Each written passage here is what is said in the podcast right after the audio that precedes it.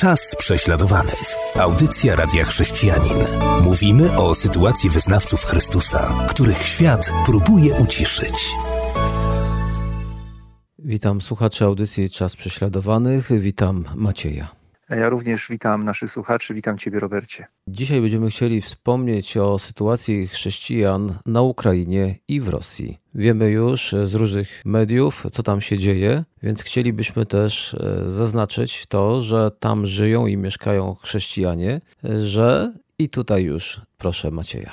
Jestem głęboko wstrząśnięty tym, że doszło do tej straszliwej inwazji Rosji na Ukrainę, że rozpętana została tak straszliwa wojna, że jest już tyle ofiar. Moje serce jest rozdarte, bo gdy upadł Związek Radziecki, gdy powiało wolnością w naszym rejonie świata na początku lat 90., Pan Bóg powołał mnie, abym działał misyjnie właśnie na terenach byłego Związku Radzieckiego i dużo czasu spędziłem na, na Ukrainie. Tam głównie to były takie krótsze wyjazdy misyjne, głównie na zachodzie Ukrainy, Lwów, ale potem dalej trochę Odessa. A potem Pan powołał mnie, abym był misjonarzem w Moskwie. Do Moskwy się w ogóle przeprowadziłem. W sumie tam 7 miesięcy mieszkałem w 1994 roku. Pamiętam, jak, jakim przeżyciem było dla mnie to, że każdy piątek o siódmej rano gromadziliśmy się na Placu Czerwonym, który z lat 80. pamiętałem z pochodów pierwszomajowych. Pamiętam jako dziecko, nic nie było w telewizji do oglądania, gdy był pierwszy maja poza pochodami, no to jak się budziłem rano, siadałem, pierwszy leciał pochód z Moskwy, był kolorowy, ciekawy, no więc oglądałem. I nawet to lubiłem oglądać, bo było tak kolorowo. Wtedy jeszcze nie byłem jakimś zdeklarowanym antykomunistą, jak widać. Potem zrozumiałem, o co tak naprawdę w tym wszystkim chodzi, czym jest Związek Sowiecki. No i gdy później po latach, kilkunastu latach, co tydzień razem z misjonarzami ze Stanów Zjednoczonych, z Finlandii, za, razem z samymi Rosjanami, gromadziliśmy się na Placu Czerwonym i dzieliliśmy się na grupy dwuosobowe i wokół tego Placu Czerwonego chodziliśmy i modliliśmy się przez całą godzinę i ten punkt zbiorczy na początku był przed mauzoleum Lenina, tam żeśmy się spotykali, tam zaczynaliśmy modlitwę taką wspólną, staliśmy w kręgu. Pamiętam, że zawsze podchodził niedaleko jakiś tajniak, nasłuchiwał, ale nigdy nam nikt nic nie przerywał. Mogliśmy swobodnie się tam modlić i chodzić po Placu Czerwonym, głosić Ewangelię na ulicach. No to było niesamowite przeżycie dla mnie i pamiętam i do tej pory to jest w moim sercu, że, że wiem po prostu, że, że nie ma takiej rzeczy, której Bóg nie może zmienić, takiego zła, którego nie może ujarzmić i takich drzwi, których nie może otworzyć. I mam wielu przyjaciół z tego powodu, zarówno wśród chrześcijan w, w Rosji, jak i na Ukrainie. No i gdy widzę to, co się dzieje, no to moje serce po prostu płacze. Płaczę za tymi obydwoma narodami i modlę się, aby tam jak najszybciej zapanował pokój, i to nie pokój, oczywiście na warunkach Putina, ale pokój na warunkach opartych na, na wolności i sprawiedliwości. A możesz nam parę słów powiedzieć o samych chrześcijanach, jak oni tam funkcjonują w Rosji? Dochodzą do nas przeróżne informacje, że jednak również Rosję można zaliczyć do tego kraju, w którym chrześcijanom wcale nie jest tak dobrze żyć. No musimy pamiętać, że tak naprawdę Rosja i Putin o tym właściwie teraz oficjalnie mówi, jest i on uważa się za spadkobiercę władców Związku Radzieckiego i ta inwazja na Ukrainę ma przecież odbudować Związek Radziecki, a to właśnie w Związku Radzieckim był jedne z najcięższych, najbardziej brutalnych, krwawych prześladowań chrześcijan w ogóle w historii Kościoła i one ustały, gdy Związek Sowiecki się rozpadł, gdy komunizm w tym rejonie świata upadł. Natomiast ludzie za to odpowiedzialni, te struktury służb specjalnych, KGB, bardzo dobrze znane Putinowi, no one wciąż działają. No i Putin stopniowo, jak widać, konsolidował władzę dyktatorską w swoim ręku i okres takiej dość dużej tolerancji dla działań, zwłaszcza różnych protestanckich wspólnot, zwłaszcza niezarejestrowanych, ale też każdego innego odłamu chrześcijaństwa, za wyjątkiem patriarchatu moskiewskiego, moim zdaniem minął bezpowrotnie. My jako głos prześladowanych chrześcijan mamy poprzez sieć naszych partnerów kontakty, informacje od, od pastorów z Rosji, którzy przygotowują się na to, że prześladowania w ich kraju będą się nasilać. Ich obawy są jak najbardziej uzasadnione, podzielamy je, dlatego że tak naprawdę Putin traktuje, zawsze traktował chrześcijaństwo prawosławne, głównie chodzi tu o Kościół prawosławny, patriarchat moskiewski, jako takie narzędzie do tego, żeby umocnić swoją władzę dyktatorską również w sferze religijnej. I de facto to jest jedyny Kościół, który on toleruje, ale toleruje jako, jako po prostu swoje ramię, którym może zarządzać w sferze religijnej, stwarzać pozory, że sam jest chrześcijaninem. Widziałem go, jak kiedyś z Dmitrijem Miedwiediewem zapalali świeczki w, w cerkwi prawosławnej.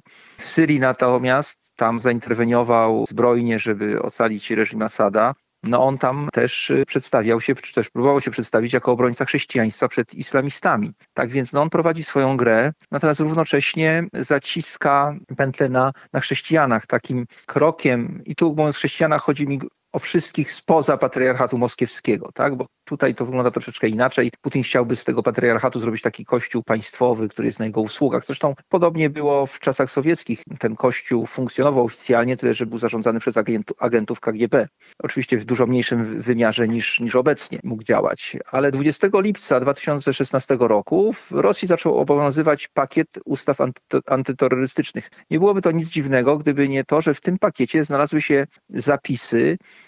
mające jednoznacznie antychrześcijański charakter i de facto nakładały one i nakładają szereg obostrzeń, które de facto penali mogą penalizować zwykłe dzielenie się wiarą.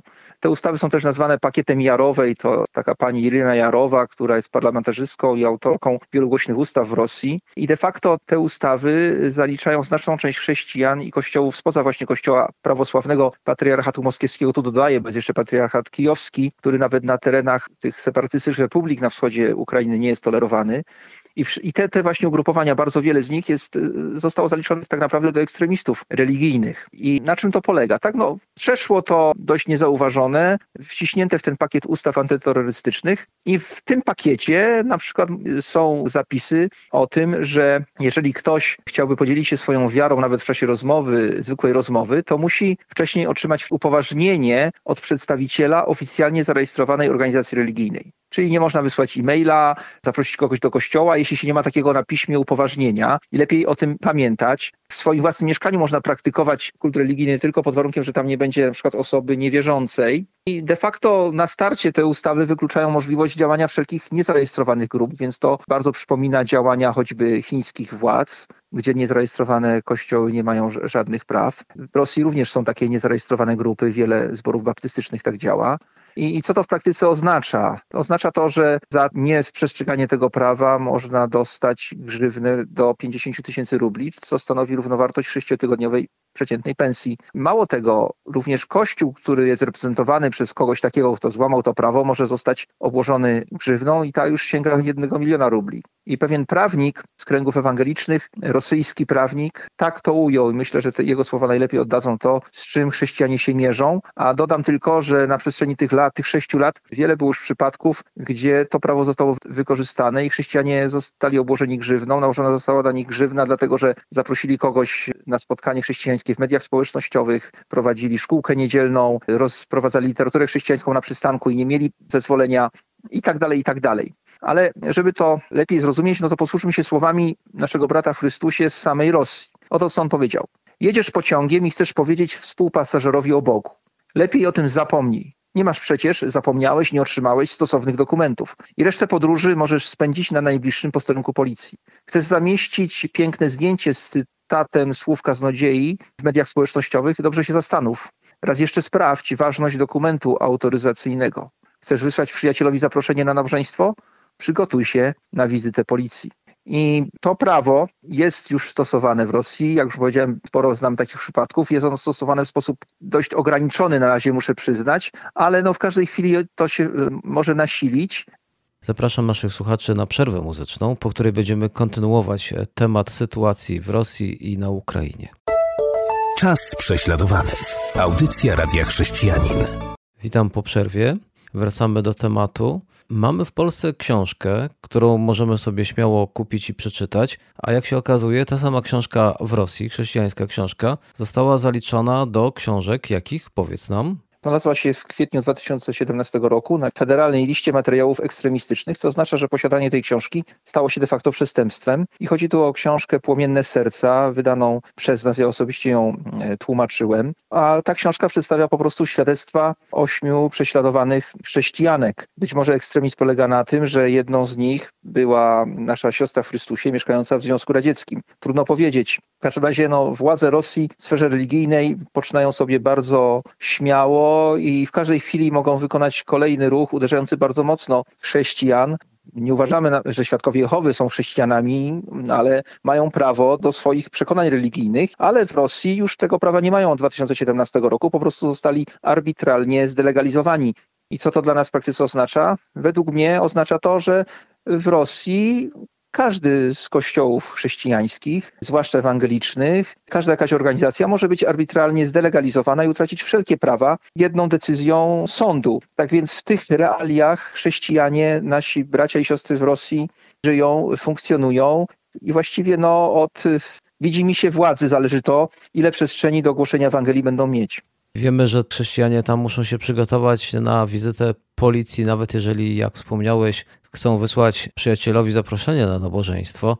Wiemy już, że niektóre książki, które u nas są dostępne i możemy czytać, książki chrześcijańskie, tam są już wręcz literaturą zakazaną. Czy możesz jeszcze coś powiedzieć o tej sytuacji? Tutaj musimy się przenieść już na terytorium Ukrainy, bo to, do czego zdolne są władze Rosji w kontekście prześladowań chrześcijan, to mogliśmy zobaczyć, gdy powstały te dwie samozwańcze republiki Doniecka i Ługańska i wszyscy wiemy, że na zlecenie samego Putina zarządzali tymi republikami tak zwani prorosyjscy separatyści. No to oczywiście wszystko było ukartowane, ale no oni są całkowicie, te republiki de facto są kontrolowane przez Rosję, więc ci prorosyjscy separatyści robili to, na co im Rosja pozwoliła, a nie robili tego, na co im Rosja nie pozwoliła, tak? To przecież utopią jest myśleć, że oni tam sobie działają swobodnie, są niezależni, są całkowicie zależni od Rosji i są na jej utrzymaniu. I Rada Ewangelicznych Kościołów Protestanckich Ukrainy w swoim raporcie w lipcu 2014 roku, a zatem niedługo po, po powstaniu tych republik, po zbrojnym przejęciu tego terytorium przez tak zwanych prorosyjskich separatystów, mówiła o porwaniach, pobiciach, torturach, groźbach zabójstwa, pogromach w miejscach spotkań modlitewnych, a także zajmowaniu należących do chrześcijan budynków.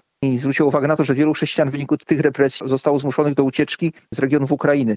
Na naszym portalu YouTube można znaleźć wciąż film Koszmar chrześcijan ewangelicznych na wschodzie Ukrainy i tam jest świadectwo kobiety, która została z ośmiorgiem dzieci, bo jej mąż został brutalnie zamordowany przez prorosyjskich separatystów. Do, do tego mordu doszło, doszło 9 czerwca 2014 roku w Słowiańsku. Wtedy tam po prostu oni podjechali pod kościół, wzięli dwóch synów pastora, wzięli dwóch diakonów, wywieźli ich i w stylu takich islamistów islamskich torturowali ich, a potem ich zabili brutalnie. No oczywiście nikt nie został pociągnięty do odpowiedzialności. Instytut Wolności Religijnej z Kijowa w swoim raporcie z 2016 roku po upływie dwóch i pół roku panowania tych prorosyjskich separatystów w Donbasie stwierdził, że religia jest tam wykorzystywana jako podstawa do prześladowań, tortur, a nawet zabójstw duchownych i wiernych.